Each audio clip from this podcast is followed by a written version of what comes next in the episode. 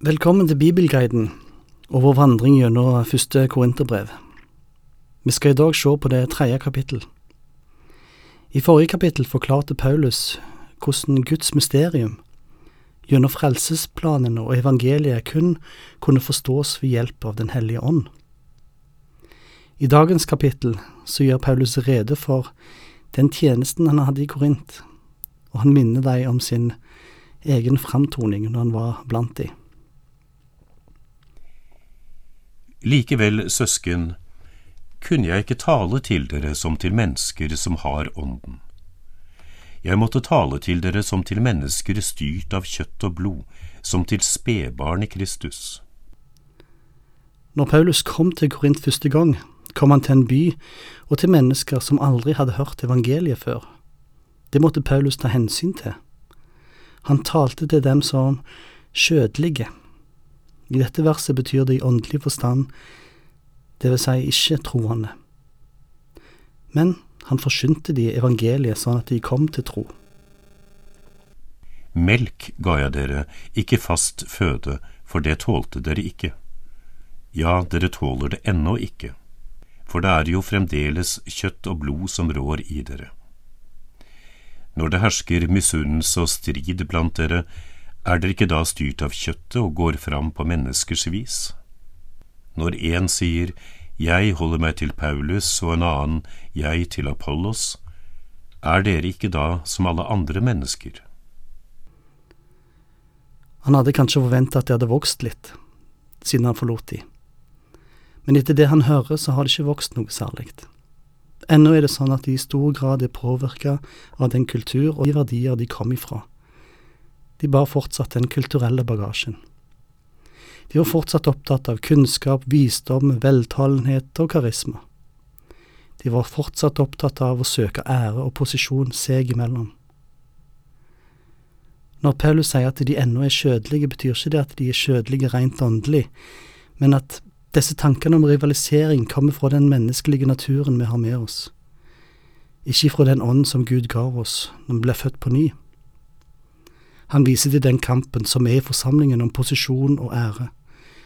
Noen kjemper for egen status med å vise at legen kunnskap eller karisma, mens andre støtter seg til, og kanskje refererer til, kirkeledere som Paulus og Apollos. Hvem var Apollos? Vi vet ifra Apostelens gjerninger, kapittel 18 vers 24, at Apollos var en mann som var veltalende og kjente Skriften godt. Kanskje hans veltalenhet var noe av grunnen til at noen likte han spesielt godt. Paulus skrev i forrige kapittel at han ikke la vekt på fremragende talekunst når han var hos de i Korint. Paulus fremhever likevel at han og Apollos, de var medarbeidere. Hva er vel Apollos, og hva er Paulus? Tjenere som hjalp dere til tro. Begge gjorde vi det Herren hadde satt oss til. Jeg plantet, Apollos vannet, men Gud ga vekst. Derfor er det ikke noe, verken den som planter eller den som vanner. Bare Gud er noe, Han som gir vekst. Den som planter og den som vanner er ett, men de skal få lønn hver etter sitt eget arbeid. For vi er Guds medarbeidere, og dere er Guds åkerland, Guds bygning. Det var Paulus som planta, og Apollos som vanna. Det vil si at Apollos kom etter Paulus til Korint. Det er godt mulig at eh, Apollos og Paulus hadde forskjellige strategier i møte med den kulturelle konteksten i Korint. Kanskje Apollos valgte å føye seg etter kulturen med tanke på vektlegging av talekunsten, framfor å imøtegå den på dette området, sånn som Paulus hadde gjort. Uansett grunn til at det var blitt et skille mellom de som søkte læremestere og forskjellige lærere, så vil Paulus at de skal skjønne at kristne ledere er tjenere som har fått blitt brukt av Gud. De fikk en oppgave. Paulus fikk føre de til tru, og Apollos fikk disippelgjøre de. Dette er ikke deres verk, det er bare Guds verk. Han omvender hjertet med sin ånd, han endrer liv med Den hellige ånds ledelse, han bygger fellesskapet, han skaper vekst med sitt ord og sin ånd. Alt dette gjør Gud, uavhengig av hvilke tjener han bruker. Menigheten er arbeidsområdet til Gud. Menigheten er målet og hensikten med Guds arbeid. Og menigheten er hjemmet til Gud, det hus han bygger for seg sjøl. Det som er litt spesielt, er jo at Paulus setter seg ved sida av Apollos, når vi vet ifra apostelens gjerninger kapittel 18 og 19 at de som kom til tru når Apollos var der, de blei ikke døpt i Den hellige ånd. Dette var noe Apollos sjøl trengte rettledning og veiledning for å lære, siden han bare døpte til Johannesdåpen. Allikevel ser vi at Paulus sier at de er ett, og at de står sammen. De er medarbeidere ikke bare med hverandre, men de står under Guds ledelse i sin tjeneste. Paulus vil at menigheten skal forstå at kirkelederne er tjenere som tjener den ene samme Herren. Å sette for eksempel Apollos og Paulus opp mot hverandre bryter ned det arbeidet og den oppgaven de har blitt satt til å gjøre. Forkynnere og pastorer er ikke mellommenn mellom mennesker og Gud, men tjenere for evangeliet. Tjeneren må ikke skygge for korset, og menigheten må ikke henge seg opp i tjeneren, men festa blikket på korset. I kraft av den nåde Gud har gitt meg, la jeg grunnvollen som en klok byggmester. En annen bygger videre. Men hver enkelt må være nøye med hvordan han bygger. Ingen kan legge noen annen grunnvoll enn den som alt er lagt, Jesus Kristus. Paulus viser til at det ikke var hans kvalifikasjoner som kvalifiserte han til den tjenesten han hadde fått. Det var ikke hans CV. Det eneste punktet som kvalifiserte han, var Guds nåde. Guds nåde hadde satt han inn i tjenesten. Og Paulus' tjeneste var å legge en grunnvoll for kirka i Korint. Denne grunnvollen og for enhver kirke, vil alltid være Jesus Kristus. Dette kan vi aldri komme bort fra, men vil være et Guds tempel. Om noen mener noe annet, er det en annen grunnvoll som blir lagt for det bygg som reises. Det kan jo være en fare, men Paulus er sikker på at den grunnvoll som han la mens han var i Korint, var Jesus Kristus alene.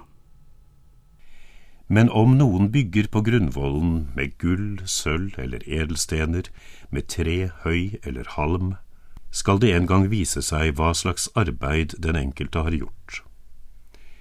Herrens dag skal gjøre det klart, for den åpenbarer seg med ild, og ilden skal prøve hvordan den enkeltes verk er.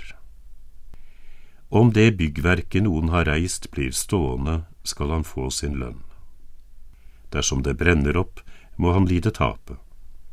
Selv skal han bli frelst, men bare som gjennom ild. De som kommer etterpå, som bygger videre på den grunnvollen, vil ta hensyn til kultur og miljø, de vil fremstille budskapet i den konteksten står i. En vil kanskje derfor bruke forskjellige material både i kvalitet og i verdi, for å gi et bilde av troa. All denne videre konstruksjonen forutsetter at en bygger videre på grunnvollen. Uansett hvilke hensyn en tar i den videre byggingen, vil dette få sin test på dommens dag. Det skal stå sin prøve om det er bygd etter Guds plan eller menneskers tanker. Her kan det virke som Paulus snakker om forskjellige strategier en velger for å spre evangeliet, forskjellige modeller som en velger å bruke både i kirkeplanting og i undervisning, det som er avgjørende, at det bygges med Guds ord, og at grunnvollen er Kristus. Gud vet om tjeneren gjør sin gjerning i samråd med Han, og med en ren samvittighet. Alt som blir bygd av oss som Guds tjenere her på jord, enten i misjon eller i menighet og kirke, vil bli prøvd på dommens dag. Det bærer med seg et alvor. Derfor trenger vi bli ledet av Guds ord. La oss gjerne inspirere av andre tanker og teorier, men alt må prøves på Guds ord, fordi det er kun det som holder på dommens dag. Selv om det skulle vise seg at vi lot oss inspirere av verdens tanker i vårt arbeid, så er det grunnvollen som berger oss. Det er vanskelig å vite hvilken lønn Paulus snakker om i vers 14 og i 8 òg, fordi det kan ikke være frelsen han snakker om. Det er ikke en lønn her og nå, det er sikkert, det er en lønn som venter i framtiden. Mer kan jeg ikke si. Vet dere ikke at dere er Guds tempel og at Guds ånd bor i dere? Dersom noen ødelegger Guds tempel, skal Gud ødelegge ham, for Guds tempel er hellig, og dette tempelet er dere. Paulus forsikrer menigheten om at de er Guds bolig i Korint. Selv om de er en splitta, rar blanding av troende i denne byen, så er dette fellesskapet hellig, utskilt for Gud. Gud vil verne og beskytte fellesskapet for enhver pris. Derfor er det et alvor over det som truer dette fellesskapet. Gud identifiserer seg med dette fellesskapet og vil dømme de krefter som forsøker å ødelegge det, fordi menigheten er Guds personlige bolig, og den som mishandler Guds kirke, mishandler Gud. Fellesskapet, som troende i flertall, er en enhet, det er Guds tempel. Samtidig lærer vi at enhver kristen er Guds tempel. Paulus snakker derfor både om enkeltpersoner og fellesskapet som Guds hjem. Men det å være en kristen er å være en del av Kristi legeme. Vi er ikke bare isolerte, frelste sjeler, vi hører til et fellesskap. Troende er ikke ensomme ulver. Vi er flokkdyr, som sauer. Ingen må narre seg selv. Hvis noen av dere regner seg som vis i denne verden, la ham da bli en dåre, så han kan bli virkelig vis. For denne verdens visdom er dårskap i Guds øyne. For det står skrevet, Han fanger de vise i deres list. Og et annet sted, Herren kjenner de vises tanker, han vet at de er tomme. I Guds rike er det meste snudd på hodet. Menneskelig visdom er dårskap, og det som for mennesket virker som dårskap, er Guds visdom. Ledere, tjenere og de fattige blir æra, de minste de største, og de siste de første, osv. Paulus ønsker å løfte opp den ydmyke, og ydmyke den stolte. Han ønsker å løfte opp forsamlingen og dempe individualismen. Han snakker om en visdom som åpenbares, ikke en visdom som en kan finne med eget strev. Gud kjenner alt det vi kaller som visdom i denne verden. Paulus ønsker at vi skal ha tillit til Guds ord. Derfor må ingen skryte av å være tilhenger av mennesker, for alt hører dere til, enten det er Paulus, Apollos eller Kefas, enten det er verden, livet eller døden, det som er nå eller det som skal komme. Alt hører dere til. Men dere hører Kristus til, og Kristus hører Gud til. Som Guds menighet, som Guds tempel, så er vi rike. Ikke i menneskelig forstand, men i åndelig forstand. Kirkeledere, de tilhører menigheten, sier Paulus. Han sier, vi er deres. Alt i verden, liv og død, det som må nå og det som skal komme, det tilhører menigheten. Menigheten står i tjeneste for Herren over tilværelsen. Det er ekte rikdom. Denne rikdom har vi når vi får være i Kristus, fordi Kristus er i Gud, den allmektige, skaperen. Å tilhøre Kristi legeme er ekte rikdom, ikke rikdom for, som forsvinner når vi går i grava, den varer. Vi er ikke tilhengere av noe menneske, vi tilhører Gud. I dette ligger den visdom som det ikke er så lett å formidle til menneskets skjødelighet som søker posisjon, ære, makt og innflytelse. Fordi denne visdommen ødelegger individualismen, eliten, den menneskelige stolthet og splittelsen i fellesskapet. Vi, sammen, har ære, makt, posisjon og innflytelse som ydmyke tjenere for hverandre i Kristus. At vi ikke alltid føler det sånn, det vet Paulus alt om. Det vil han dele i neste kapittel, som vi vil se på i neste episode.